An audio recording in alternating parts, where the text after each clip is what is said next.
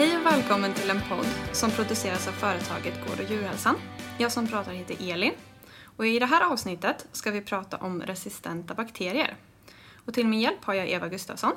Jag tänkte att vi börjar med några frågor för att lära känna Eva lite. Vad arbetar du med? Jag jobbar som smittskyddsläkare. Och hur hamnar du här? Ja, det är en lång historia, men jag eh, började jobba på infektionsklinik och infektionsspecialist. Och för drygt tio år sedan så var jag ett halvår vikarierade på smittskydd och upptäckte då hur oerhört spännande det var med att eh, jaga smittor. och framförallt eh, se vad man kan göra förebyggande för att begränsa smittspridning. Och då är det smittspridning inte bara i vården utan det är faktiskt smittspridning som sker ute i samhället, förskolor, skolor. Och så har jag blivit engagerad i detta projektet som Gård och djurhälsan har. Där vi försöker ta reda på eh, vilka rutiner man skulle kunna tänka sig när eller om man får in MRSA i en besättning. Vad skulle du säga är det bästa med ditt jobb? Det är egentligen eh, varje dag är en ny utmaning och det är alltid någonting, något problem man ska lösa.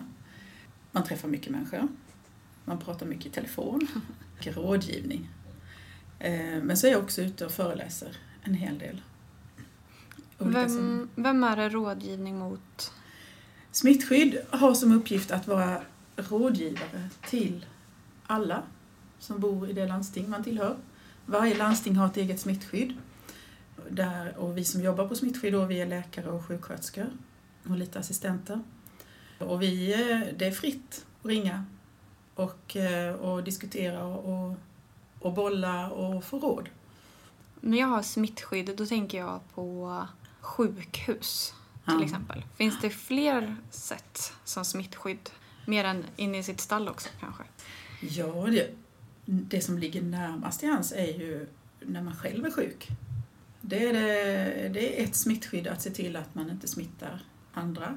Och till exempel så börjar vi närma oss nu vintervirussäsongen med mycket förkylningar, med influensa och med framförallt vinterkräksjuka. Och då ska man ju faktiskt försöka se till att om man blir sjuk i de här så ska man se till så att man har en god hygien så man inte smittar andra. Då tänker jag att vi kastar oss in i ämnet resistenta bakterier. Vi kör från början. Vad betyder det när man säger att en bakterie är resistent? Ja, alltså resistenta bakterier, det finns jättemånga olika begrepp. Och det finns resistenta bakterier och det finns multiresistenta bakterier.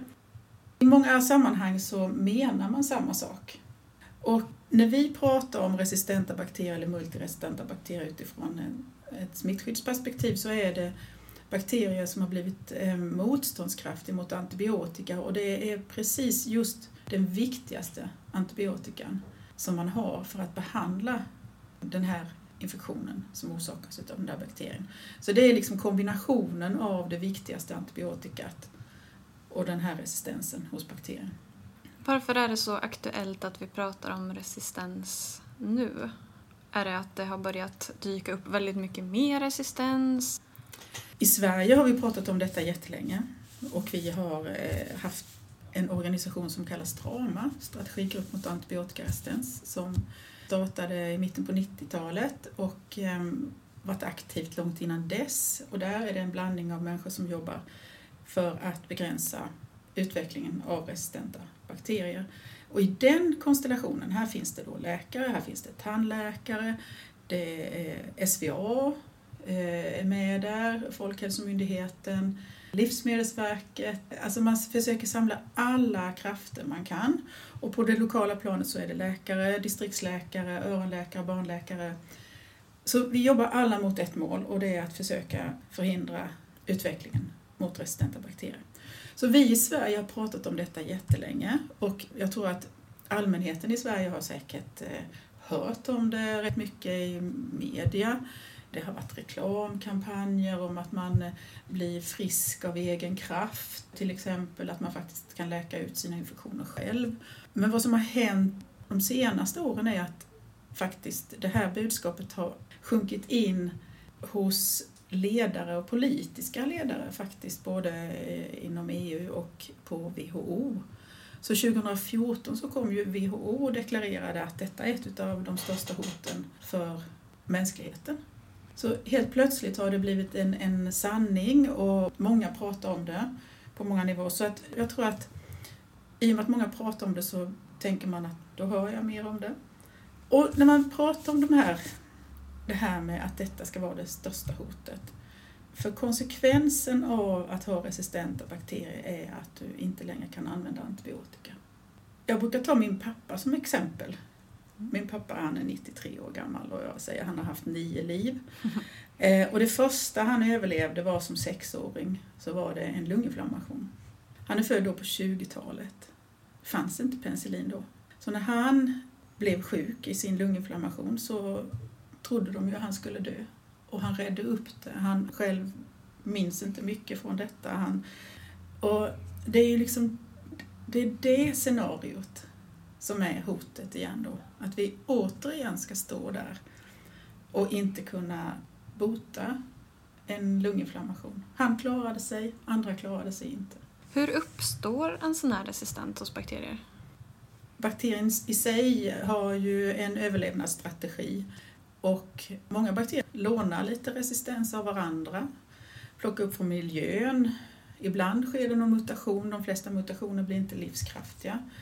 Men någonstans så plockar den på sig en resistens som sen blir livskraftig och sen så hänger den med varje gång bakterien delar sig.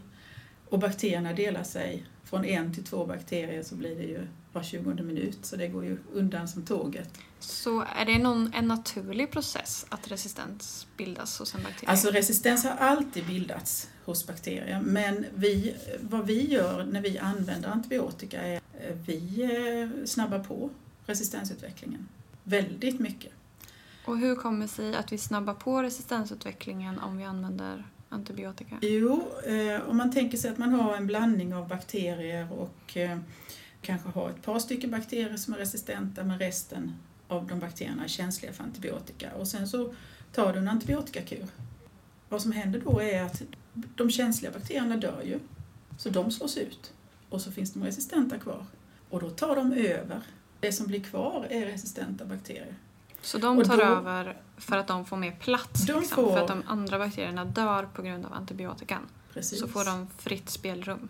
Helt så är det. Tittar man det på eh, vad som händer för enskild individ så är det ju så att i berg på ett, ett, ett och ett halvt kilo bakterier. Det är mycket. Det är mycket. Och, men... det är skönt att dra den där från vågen ändå. ja, nej, men de, de, vi behöver dem så. Eh, mm. Men de flesta finns i tarmen. Och det är, när vi tar och äter antibiotika så tänker vi oss att eh, oh, det, den har effekt på mina bakterier i urinvägarna. Det är ju så att den eh, är ju inte målsökande mot urinvägarna utan det är ju så att tar man antibiotika så påverkar det alla bakterierna som man har. Även det, de bakterierna du har i tarmen. Okej, så om jag äter antibiotika mot urinvägsinfektion ja. så kommer mina tarmbakterier också bli påverkade? Ja, det får de på köpet då. Där i den bakteriefloran i tarmen, det är där man då rubbar man den. Man rubbar balansen med en antibiotikakur. Och då kan man säga så här att det kanske är så att man behöver den här antibiotikan för att man faktiskt har en, en sjukdom som man behöver behandla. Vad man ska försöka undvika är den där onödiga antibiotikakuren. Är det också viktigt att man, man följer ordinationen från sin läkare? Om de säger ta antibiotika i tio dagar och sen så tycker man man är frisk efter fem. Är det då det är viktigt att fortsätta äta sin antibiotikakur? Det har ingen direkt påverkan på resistensen utan det kanske är mer så att du inte blir helt frisk. Vissa infektioner kräver, behövs bara en kort kur, mm. antibiotika, tre dagar kanske. Och andra infektioner behöver en längre antibiotikabehandling för att man ska bota infektionen. För vad som händer är att du känner dig kanske frisk efter några dagar mm. och så slutar du antibiotika och sen går det en vecka och sen börjar symptomen komma tillbaka igen. Och då kan man känna att då blir det liksom kanske en ny kur antibiotika och den, den är ju onödig. Då, då är det bättre att eh, sköta behandlingen ordentligt från början. Mm. Man säger att man inte ska äta antibiotika mot virusinfektioner. Mm. Kan vi bara ta lite kort, vad är skillnaden med en bakterie och ett virus? Virus är väldigt, de är väldigt små och ganska enkla Och för att de ska överleva och föröka sig så måste de använda sig av våra kroppsegna celler. Så att de, är, de, de behöver lite av oss för att, för att de ska kunna överleva. Influensa, virus, måste in i näsan och slemhinnorna och sen går de in i våra celler och så blir det en förökning där. Bakterierna de är mer komplexa och kan leva och föröka sig både i kroppen och även utanför kroppen. De kan finnas i miljö, i vatten. Så att de kan klara sig rätt mycket av egen kraft. Och när vi pratar om antibiotika så är ju anti emot och bios är liv. Så det är mot liv. Så egentligen finns det motsvarande läkemedel mot virus. Och då pratar man om antivirusmedel. Och nu har vi då eh, antibiotika som vi pratar om är mot bakterier. Då. Så det är väldigt olika läkemedel mot virus och mot bakterier. Och de flesta virusinfektioner har vi ingen behandling för. Har man samma typ av antibiotika mot alla bakterieinfektioner? Nej, det har man inte. Eh, vi har ju en arsenal av olika antibiotika att välja på. Mm. penicillin är det som är mest känt. Det är också det första läkemedlet som man hittade och som kom i massproduktion redan på andra världskriget. Sen har det följts av eh, nya typer av läkemedel. Det finns eh, Bactrim, Trimetoprim till exempel, är också ett gammalt läkemedel som har funnits. Under 50-talet kom det väldigt mycket nya antibiotika. Men problemet är ju att de sista 30 åren så har man inte kommit på ett enda antibiotika som har en ny verkningsmekanism som är för effektivt mot bakterier. Och det är ju en brist. Det är därför så också viktigt det här med antibiotika. Vi har de antibiotika vi har nu och det är inga nya på väg in så att man kan börja använda det och behandla människor. Så därför måste vi vara rädda om den antibiotika vi har och använda den verkligen när, när den behövs. Du nämnde lite penicillin här. Mm. Vi i Sverige har en ganska stor tradition av att använda penicillin. Om man jämför med övriga världen kanske inte säga, men generellt. Varför gillar vi penicillin så himla mycket? Vi behöver inte ta till mer. Om vi pratar om ett hot med antibiotikaresistenta bakterier så ligger vi ju väldigt bra till här i Norden. Penicillin är ett av de här preparaten som är otroligt effektivt att behandla vissa infektioner med. Och det, har, det påverkar inte så mycket av de andra bakterierna man bär. Så det är också en fördel.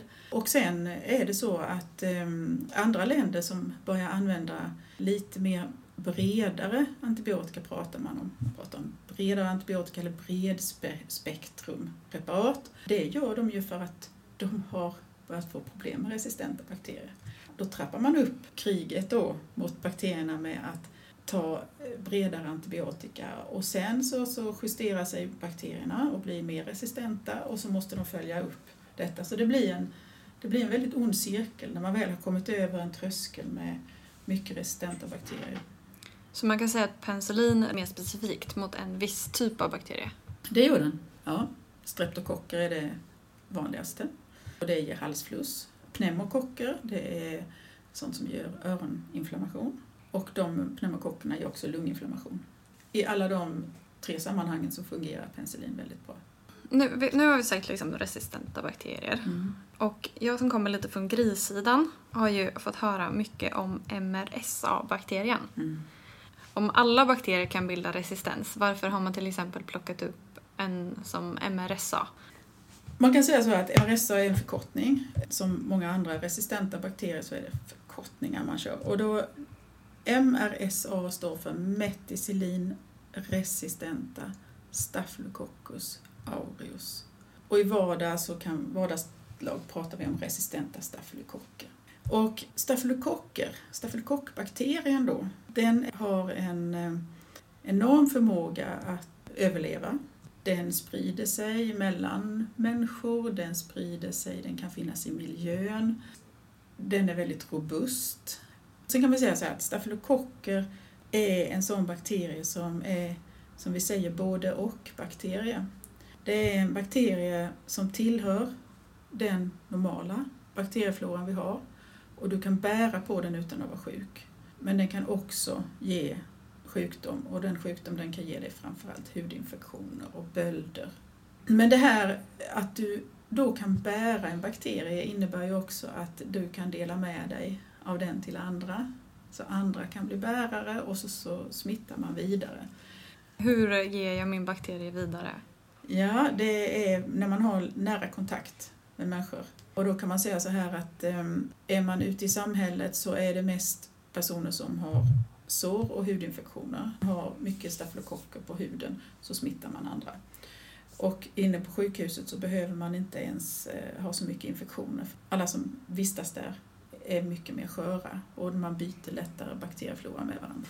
Det man vet om, om de här stafylokockerna då, det är att på 60-talet så började det uppstå resistenta stafylokocker och då är det, de är resistenta mot sådana här nyckelantibiotika då. De är resistenta mot penicilliner och de är resistenta mot cefalosporina och de är resistenta mot de här intensivvårdspreparaten som heter carbapenemer. Detta är sådana här riktiga nyckelantibiotika. Så det var tre typer av antibiotika Ja. du nämnde där? Och de, är, de här tre antibiotika är lite grann släkt med varandra. Mm. Så att, eh, men de är, det är viktiga antibiotika. Då benämnde man denna resistenta stafylokocken för MRSA.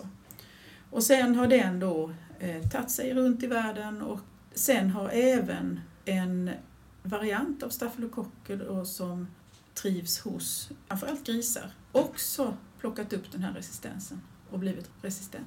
Så det som har hänt är att det var någon smart bakterie som muterade sig så den överlevde när man fick antibiotika. Och då har den här bakterien kommit ut hos oss människor och eh, den är resistent. Så eftersom den är resistent så är den mer överlevnadskraftig. kan man säga, men det började egentligen så här att den snodde lite grann resistent mat- genmaterial från en annan Mhm. stafylokock. Det var det som hände. Ja, okej. Så den snodde, det fanns bakterier som redan var resistenta och sen snodde den lite genetiskt material inkorporerade det i sitt genom. Mhm. Så att så blev det. Det, blev en, det kom en, en smitta med genmaterial mellan och sen blev den resistent. Sen är det precis som i, hos människor att man får in den eh, i kanske liten skala men använder, sen använder man antibiotika och då får den en fördel och överlever och förökar sig och sprider sig. Mm. Och då är det en typ av den här MRSA-bakterien som trivs extra bra hos våra produktionsdjur. Så är det. För den kallar vi LAMRSA. Mm. Och LA står då för Live Stock Associated. Det var ändå logiskt. eh, men är det samma MRSA? Alltså, ja, du tänker att det finns lite olika varianter av, eh, av MRSA, det stämmer. Precis. Det är det.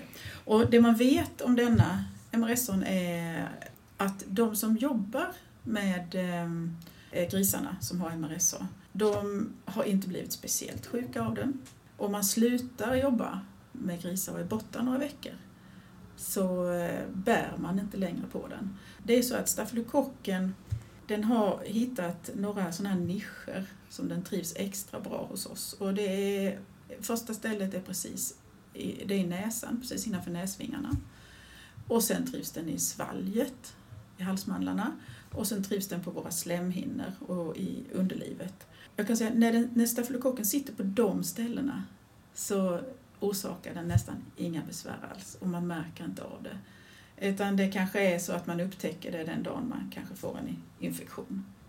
Eller MRSA, den visar sig att den, den biter sig inte fast lika lätt i näsan och i svalget och på våra slemhinnor. Så att eh, människorna som jobbar med produktionsdjuren är ju oftast friska människor och där har det inte hänt så mycket. Men sen är det så att med tiden så läcker den ju ut i samhället. Och det är ju säkert så, det, och det vet vi, att de som jobbar med grisar och går in i stallen med eh, MRSA-smittade grisar får ju in den i näsan via dammet. Så att där hittar man väldigt många som blir koloniserade och bärare då av denna. Men sen så har, finns det ju också risk då att man tar hem den till sin egen familj. Och sen från familjen så sprider den sig vidare ut till andra. Och det som har hänt i Danmark till exempel är ju att den har läckt ut så att säga till andra människor som då har fått svåra infektioner och de har haft dödsfall också. Och de som har dött, det har ju varit de här äldre, sköra patienter, en del har stått på cancerbehandling och så. Så att det är nog så att för den som jobbar med grisarna så kan man tolerera detta bra. Men andra gör inte det lika bra. Så man kan alltså bära på MRSA-bakterier och i det här fallet syssla på LA-MRSA utan att man märker det? Ja, kan man. Och just LA-MRSA kan man bli av med? Även annan MRSA kan man bli av med, men denna verkar som att man tappar, den försvinner lite fortare än de andra. Och när blir det en risk? Egentligen är det så när man pratar, och nu, nu, har vi pratat om det här stora hotet. Att detta är ett hot. Och det är egentligen, då pratar vi om att detta är ett hot för befolkningen. I stort är det ett hot för befolkningen med resistenta bakterier. Men nu kommer vi ju ner på bedömning på individer, på Mm. individnivå. Och då är det ju så att för den som jobbar med grisar så kanske det på sin höjd orsakar en, ett infekterat sår till exempel. Och det går ju lätt att hantera. De flesta infekterade sår behöver man ju ingen antibiotika för heller, utan det läker sig av sig själv. Så att det är inte så att bara för att den är resistent så ger den liksom inte svårare infektioner. Men det som är hotet med de här resistenta bakterierna det är ju att när du väl skulle få en svår infektion och måste ha antibiotika, då finns inte de bästa preparaten kvar att välja mellan, utan då får du ta de näst bästa. Och det är den situationen, vid de svåra infektionerna, det är då du inte har de vassaste vapen kvar. Och det är då det kan vara svårare att häva en infektion. Egentligen är det så att det allra största hotet är ju för den som inte vet om att man är sjuk i en resistent bakterie. Utan man kommer in till sjukhuset och, så, och man kan vara allvarligt sjuk och hög feber och, och vara väldigt påverkad och sen så tänker man på sjukhuset, ja det är de här vanliga infektionerna och så har man då en, en, en lista med antibiotika som man väljer och då är det så att man tar ju det och väljer det preparatet som man vet funkar i alla fall, eller i alla fall nästan alla fall. Så man, man väljer ett säkert preparat. Men om man då har en resistent bakterie, då funkar inte det där säkra preparatet längre. Då hinner det gå kanske både ett dygn och två dygn innan man på laboratoriet upptäcker att det här är en resistent bakterie. Och då skickar tillbaka budet och säger att ni måste byta antibiotika. Det här funkar inte. Då kan man ju ha hunnit bli ännu mycket sämre än när man kom in. För man har egentligen fått ett preparat som varit helt overksamt. För den som jobbar med grisar och bär på LAMRS så alltså i princip egentligen inte någon fara för den enskilda individen. Utan det som är risken är ju att man tar med sig detta ut till andra människor ifrån besättningen. Och, och lite grann där har vi då haft ett projekt ihop med Gård och djurhälsan där vi försöker titta lite grann på hur ska man begränsa så att inte MRSA läcker ut ifrån en besättning. Och det handlar om hygien. För detta, MRSA är en smitta och smitta stoppar man med hygien och hygienrutiner. Utveckla gärna hygienrutiner. Vad har ni arbetat fram? Jo, det är mycket speciellt det här och det är ju väldigt spännande för det skiljer sig en del från vården. Det finns lite som är, li är lika i vården. Och det är så här att nästan all smitta det sprids via våra händer. Så att basen är att man då ska ha en god handhygien. Och då är, har vi eh, anammat det som man använder i vården. Tvål och vatten och handdesinfektion. Och handdesinfektion är egentligen det som är allra bäst och det som är mest skonsamt för händerna också. För tvål och vatten sliter. Men handdesinfektion är jättebra. Eh, Så det är detsamma som för vården. Men sen har vi då situationen i stallet med allt damm. Och det dammet innehåller ju då stafylokock eller MRSA. Om du har det i besättningen. Om du har det i besättningen. Mm. Mm. Och då betyder det att då måste du ju använda skyddskläder och ta av skyddskläderna när du går därifrån. Men det fastnar också i håret. Så att man behöver ju skydda håret eller tvätta håret när man går därifrån också för att man inte ska ta med sig det ut. För egentligen är det så att det som är mest smittsamt till andra människor är ju det som finns lättillgängligt på kroppen, på utsidan, på huden, på kläderna. För det är det du kommer i kontakt med andra människor. Det som finns inne i näsan, det sitter lite grann på insidan. Och eh, från de ställena på kroppen så sprider man inte så mycket. Mm. Så det är viktigt att liksom få bort det här som sitter i håret och på kläderna, på huden. Så där blir det då en, att man har rutiner när man går ut ifrån stallet. Men sen är det så, det är samma rutiner som när man ska gå in i ett stall. För det finns ju redan rutiner och det är det som är så fiffigt med så som Gård och djurhälsan har jobbat så är det ju det att man faktiskt tänkt igenom rätt mycket rutiner hur man inte ska ta in någon smitta i en besättning. Och då är det så att vi har ju använt dem som bas när vi har tagit fram de här andra rutinerna. Och så har vi lagt till lite extra grejer. Och det är lite grann så vi har tagit eh, och tittat över sundet i Danmark. För i början när de fick in LAMRSA i sina besättningar så gjorde de ingenting. Och gjorde ingenting och gjorde ingenting. Och nu är det så att denna LAMRSA är så spridd i landet bland både de som jobbar bland eh, grisar men också de övriga ute i samhället. Framförallt i de regioner där man har väldigt mycket eh, grisgårdar så finns det också väldigt mycket människor som i sig inte har haft kontakt med de här besättningarna. Så att var tredje MRSA-fall i Danmark är LA-MRSA. Mm. Det är jättemycket. Men nu har de ju faktiskt eh, känt att de måste nog göra någonting. Så de har ju också börjat plocka fram sådana här rutiner. Och våra rutiner liknar deras väldigt mycket. Eller så är det så att de har tittat på våra rutiner och tagit efter. Ska vi se, ska vi köra ett litet läxförhör på mig för att se. Maria kanske blir besviken. Säg om jag kommer som på besök till en besättning. Först och främst ska jag låna besättningens overall och jag ska byta strumpor eller ha någon form av skoskydd. Sen ska jag också använda handskar och innan jag sätter på mig handskar ska jag tvätta händerna med tvål och vatten och sprita dem.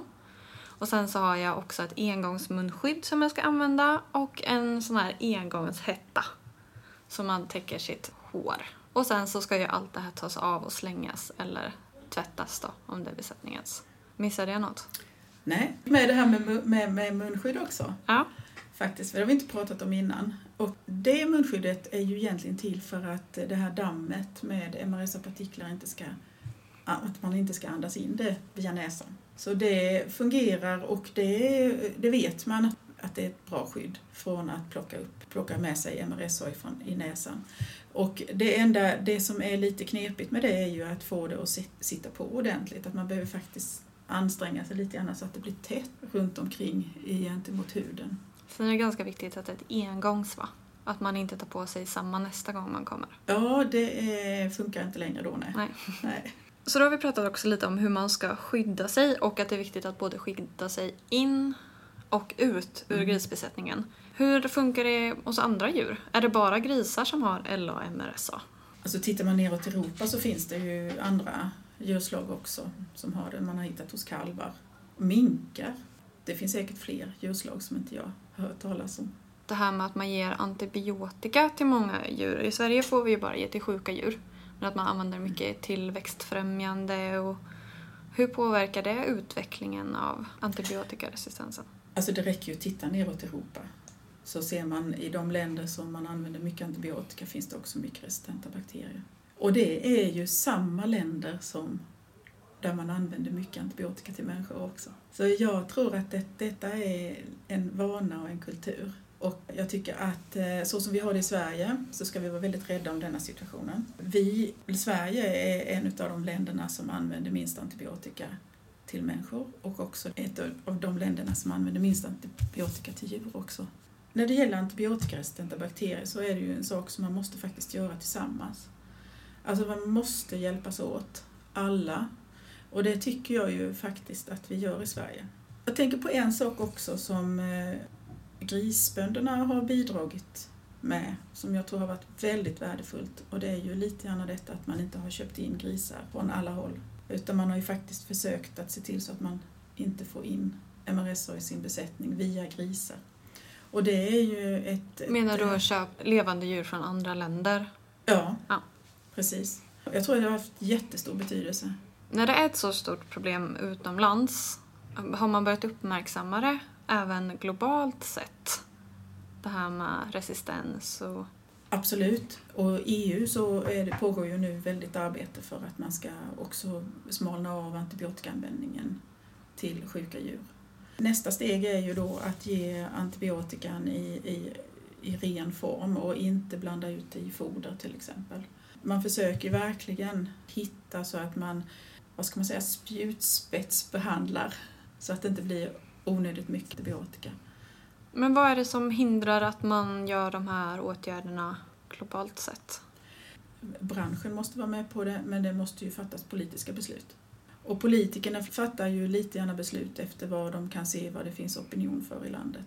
Så att eh, där känner jag ju hur viktigt det är det här med att eh, kampanja lite. Och det är det jag känner, det här svenska strama som vi pratade om i början.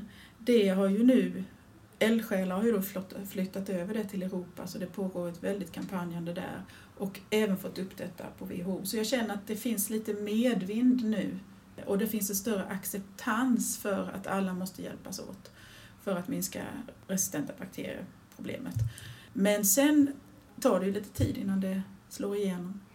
Om man tittar tillbaka i tiden nu, att vi var lite pionjärer då när vi bestämde oss för att man inte skulle ge tillväxtfrämjande antibiotika till exempel. Väldigt mycket pionjärer. Det har vi nytta av idag. Finns det andra multiresistenta eller resistenta bakterier i samhället om vi tittar bort från MRSA? Alltså nästa bakterie då som är vanlig hos människor och vanlig hos djur som finns över hela världen är E. coli-bakterien. Om nu vi pratar om MRSA och stafylokock, att det är hudbakterier som ger hudinfektioner, så är E. coli en bakterie som har precis den här, de här dubbla egenskaperna, att man både kan bära på den utan att vara sjuk, men man kan också vara sjuk. Stället där E. coli trivs är i tarmen. Och alla djur har E. coli i tarmen. Och alla människor har E. coli i tarmen. Och den, vi delar denna floran. Och där har man ju hittat resistenta bakterier då som man kallar för ESBL, bildande E. coli, ny bokstavskombination. Och, och den finns i, man har hittat den eh, mest utomlands, men även här hemma i Sverige också. Man hittar den i vatten, livsmedel, hos djur, hos människor. Du nämnde livsmedel här. Mm. Kan vi bara prata lite om antibiotika och kött? I Sverige får du ju inte eh, slakta djur som nyligen har fått antibiotika. Det är också så att om du ger antibiotika så har det effekt under en begränsad tid. Sen är det ute ur kroppen och ute ur djuret så, så det försvinner. Så att det är därför som man har lagt en, en karens då, att man inte får slakta eh, i för nära anslutning till antibiotika. Och det är ju jättebra. Hur tror du att vi ska stoppa den här spridningen av de här resistenta bakterierna? Ja, eller rättare sagt stoppa och stoppa. Vi kanske får köpa oss lite mer tid. Och då är det, det är två saker man ska tänka på. Och det ena är hur man använder antibiotika och det andra är hygien. För om vi använder antibiotika då ger vi en extra fördel för de resistenta bakterierna. Så där vet vi att minskar vi användningen av antibiotika så blir det mer en jämnbördig situation för resistenta eller icke-resistenta bakterier. Och där har vi ju gjort jättemycket och fått ner antibiotikaanvändningen i Sverige. Över sikt så har vi ju verkligen alltså minskat antibiotikaanvändningen utan att vi har fått fler infektioner. Så att vi hade ju en överanvändning kan man ju säga. Så det är den ena. Det andra är ju då att bakterier kan smitta. Framförallt är det ju de här bakterierna då som vi faktiskt då kan gå och bära på utan att vara sjuka. De har vi då en förmåga att dela med oss till andra. Och på sjukhusen så har man ju väldiga hygienrutiner. Och det är framförallt personalen som ska gå mellan patienter som måste ha rena händer varenda gång man går till ny patient. Och det är handdesinfektion. Så man spritar händerna före man träffar en patient och sen så när man går därifrån så spritar man händerna. Och sen går man ut och gör någonting annat. Och sen går man in till nästa patient och då spritar man händerna. Så det är liksom en jätteviktig sak. Det sättet att tänka behöver man ju då applicera i andra miljöer, framförallt där man lever väldigt tätt. Och ett sådant ställe är ju förskolan. Då är det så att just de små barnen, dels har de mycket infektioner så de eh, smittar och dels så bär de på rätt mycket bakterier under de första levnadsåren. Och det är lite när kroppen ska träna sig. Blir du mer vuxen sen då så bär du inte lika mycket bakterier. Men eh, där jobbar man ju också med hygien men utifrån de förutsättningar som finns. Och då är det till exempel då att barnen tvättar händerna innan de ska äta. Mm. Så man lägger det på den nivån där. Mm. MRSA, om vi backar tillbaks Mm. till, ja, det är en allmänfarlig sjukdom enligt smittskyddslagen.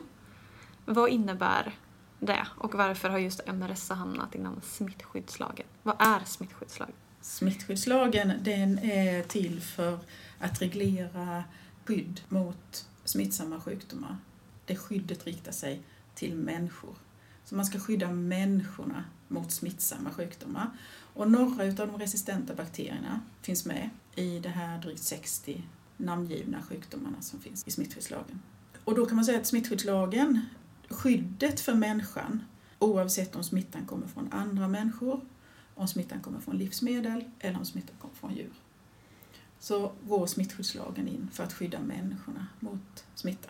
Sen kan man säga att smittskyddslagen kan reglera vissa saker. De kan, den kan reglera så att vissa människor som har en viss typ av smitta får inte, man får inte laga mat till andra när man har salmonella till exempel. Så det är också en sån här sak som går under smittskyddslagen. Man ska se till att man inte sprider sin smitta. Men smittskyddslagen är ju inte heltäckande och den krokar i många andra myndigheters lagar och föreskrifter. Jordbruksverket då mot djuren, Livsmedelsverket, miljöbalken. Och i många andra av de lagar och föreskrifter som finns så, så finns det då skrivelser i dem också för att skydda människor mot smitta. Och ett exempel är ju Jordbruksverket och de, där det finns regler och riktlinjer för MRSA till exempel. Och eh, Regler och riktlinjer för när man besöker eh, besöksgårdar och, och sånt vad gäller hygien. Och det, de är ju till för att skydda människorna mot smitta. Hur kan jag ta reda på om jag har MRSA? Ja, och då kan man säga så här att eh, ibland vill man ju veta det och ibland behöver man inte veta det. Om man ska läggas in på sjukhuset så vill man veta. Därför att då plötsligt finns det väldigt många andra som man kan exponera. Som när du kommer in på sjukhus så får var tredje patient får antibiotika. Så antibiotikatrycket är jättehögt där och resistenta bakterier har ju en fördel. Och då vill du gärna veta om du har någon med resistenta bakterier för då får man ligga på eget rum. Så där vill man veta. Men det är inte så att vi går ut och provtar alla ute i samhället för detta. För att när det gäller MRSA så vet vi att den kommer och går. Vissa har alltid stafylokocker i näsan. Och sen har man dem kanske i ett halvår och sen så byter man ut det mot andra stafylokocker. Så det blir liksom en omsättning. Om man då till exempel åker ut och ligger på sjukhus, framförallt kan man säga eh, södra halvklotet och Mellanöstern, så ehm, är det risk att man kommer hem med resistenta stafylokocker. Då kanske man vill veta det om man ska komma in i svensk sjukvård. Men vi går inte ut och provar. Men annars är det, det är en provtagning. Man tar en liten topsliknande borste kan man säga. Som man, eh, och då tar man prov innanför näsvingarna där stafylokockerna kan tänkas finnas. Och I svalget till exempel så tittar man och frågar labbet. Finns det resistenta stafylokocker här? MRSA. Vi pratade lite här i början om antibiotika, att vi inte fått fram några nya antibiotika på länge. Mm. Varför är det så svårt? En av de viktigaste anledningarna är att det kostar så mycket pengar. Och att läkemedelsbolagen får liksom inte igen investeringarna de har gjort i forskningen. Det är ofta så att antibiotika är korta kurer, så du får inte igen pengarna av den anledningen att det inte är någon stor volym. Och sen är det ju så också att bakterierna blir resistenta mot även den nya. Så att där försöker man ju få till en finansiering då som kommer ifrån, alltså att det ska vara offentligt finansierad forskning. Och jag känner man inte riktigt kommit igång så bra ännu med det. Borde man inte vara lite stressad? Jo, jättestressad. Ja. Varje enskilt land kan inte klara detta, utan du måste faktiskt, det är EU till exempel kan ju ha muskler för Mm. att avsätta pengar. Och det finns crowdfunding också, där man eh, som, som bedriver forskning för antibiotika. Då. Och det blir ju på något sätt inte, det går ju inte att tänka sig att man gör detta i något vinstsyfte med antibiotika, utan det här är ju för, för vad ska man säga, befolkningens överlevnad. Men jag tänkte, vi pratade inte riktigt färdigt om eh, smittskydd och smittskyddslagen. Det här, vi kallar denna för allmänfarlig. Och smittskyddslagen har lite olika klassificering. Och när en sjukdom kallas för allmänfarlig så innebär det att man kan sätta eh, skallkrav på patienten som har blivit drabbad av MRSA. Ett sådant krav är till exempel att har du MRSA så måste du berätta för vården när du söker vård till exempel. Mm. Så det finns, då, då kan man sätta, och då vet man det i de här allmänfarliga sjukdomarna, att om, om man sätter vissa begränsningar så minskar man smittrisken till andra. Och då har man eh, bestämt att då är detta krav som den enskilde drabbade måste följa. Och det är då allmänfarligheten, begreppet allmänfarlig sjukdom. Och där finns till exempel salmonella, finns med i den gruppen också. MRSA, då inkluderar det också LA-MRSA till Ja. exempel? Det inkluderar det också. Enligt smittskyddslagen så är denna också smittspårningspliktig. Vilket faktiskt kan ha många implikationer. Därför att om man då drabbas av MRSA så går man på ett läkarbesök. Oftast hamnar man på en infektionsklinik. Då kommer man på infektionskliniken och ställer lite frågor. Eh, man brukar fråga eh, har du fått sjukvård utomlands? Eller har du vistats länge i länder där man har hög förekomst av MRSA? Eller eh, har du någon i familjen som har MRSA? För det vet vi ju att bor man tillsammans så har man en väldig närhet med varandra och då delar man också med sig av de bakterier man har. Så MRSA i familjen. Eh, men så finns det ju en fråga, jobbar du med grisar? Och då är det egentligen frågan, jobbar du med grisar utomlands? För eftersom vi eh, tror oss veta att vi inte har någonting i Sverige. Så att det, det kommer komma upp en sån frågearsenal då. Visar det sig att man misstänker någon särskild källa till MRSA så anmäls det då till smittskyddsläkaren. Man fyller i ett formulär, en smittskyddsanmälan och så skriver man att den här patienten är troligtvis smittad där och där. Och skulle man då få upp att detta är en LA-MRSA och så står det att man jobbar med grisar så är den ju smittspårningspliktig den här. Så det blir ju lite, här måste man kanske börja ta tag i källan till MRSA för att det kan ju vara fler som är smittade. Och här vill vi, då vill vi väldigt gärna begränsa smittan. För det är det smittspårningen syftar till, att begränsa vidare smittspridning till andra människor. Och det är också så här att eftersom allting går ju ut på att skydda människorna för smitta och där finns också en liten skrivelse i den att om man hittar MRSA hos djur och det kan då finnas risk för spridning till människor så ska länsveterinären anmäla detta till smittskyddsläkaren. Då kommer det en anmälan, då blir det en kunskap hos smittskyddsläkaren också. Och då måste man kanske vidta åtgärder. Och de råden då och de åtgärderna som vi gör måste vi göra tillsammans med länsveterinär. Tillsammans med Jordbruksverket kanske. Finns det någon plan för vad vi gör när vi hittar MRSA hos en grisbesättning i Sverige? En första hygienplan finns det ju och det är ju den vi har jobbat med med Gård och djurhälsa nu. Mm. Så att vi åtminstone kan liksom plocka fram den kunskap som finns och säga så här gör vi, nu har detta hänt.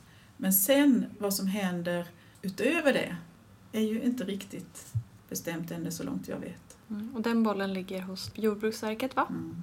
Kan man väl säga att vi står mellan två läger. Antingen köra Danmarks inte tänka så mycket på det. Eller de tänker väl på det på sitt sätt. Men De har börjat tänka ja, men produktionen fortgår ju.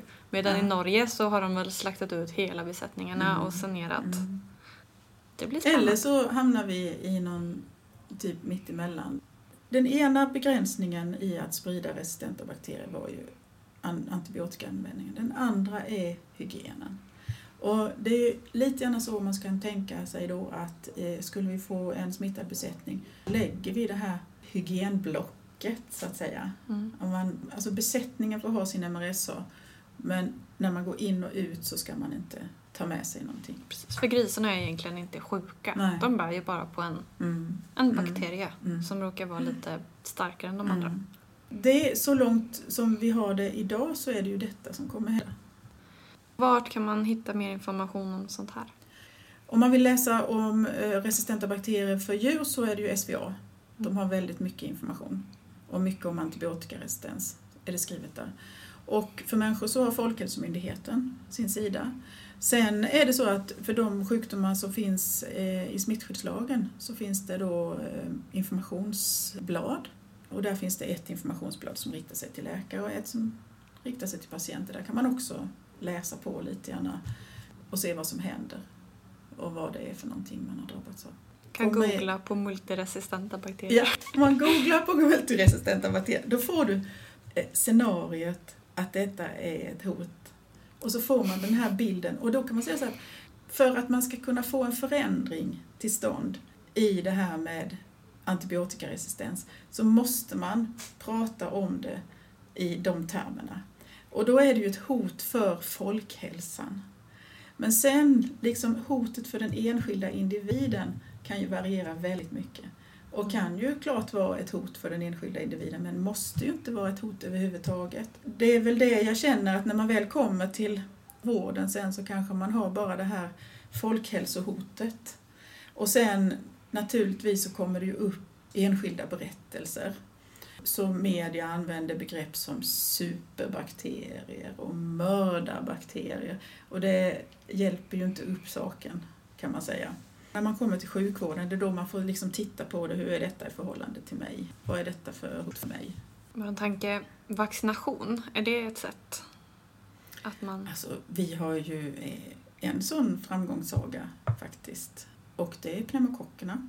De som gav eh, öroninflammation och lunginflammation. Det finns nu ett pneumokockvaccin som alla barnen får i barnvaccinationsprogrammet. Och man har ju minskat förekomsten av pneumokockinfektioner och man har minskat också förekomsten av resistenta pneumokocker så att man har fått, liksom, fått en dubbelt positiv effekt. Så att kan man hitta bra vaccin kan det vara en framgång. Och vaccin, det är väl så att man sprutar in en liten dos av bakterien så kroppen själv bygger upp ett försvar? Då väljer man ut oftast en liten del av bakterien så, man, så att man inte ska bli sjuk utav eh, vaccinet. Så tar man en liten del. Då reagerar kroppens immunförsvar så att man bygger upp en minnesceller som mm. känner igen när man träffar på bakterien nästa gång. Och då är kroppen lite förberedd, kan då avdöda de här bakterierna som dyker upp. Vilket gör att man kanske inte behöver en antibiotikakur. Då får jag tacka så jättemycket att du ville vara med och utbilda oss lite om multiresistenta bakterier.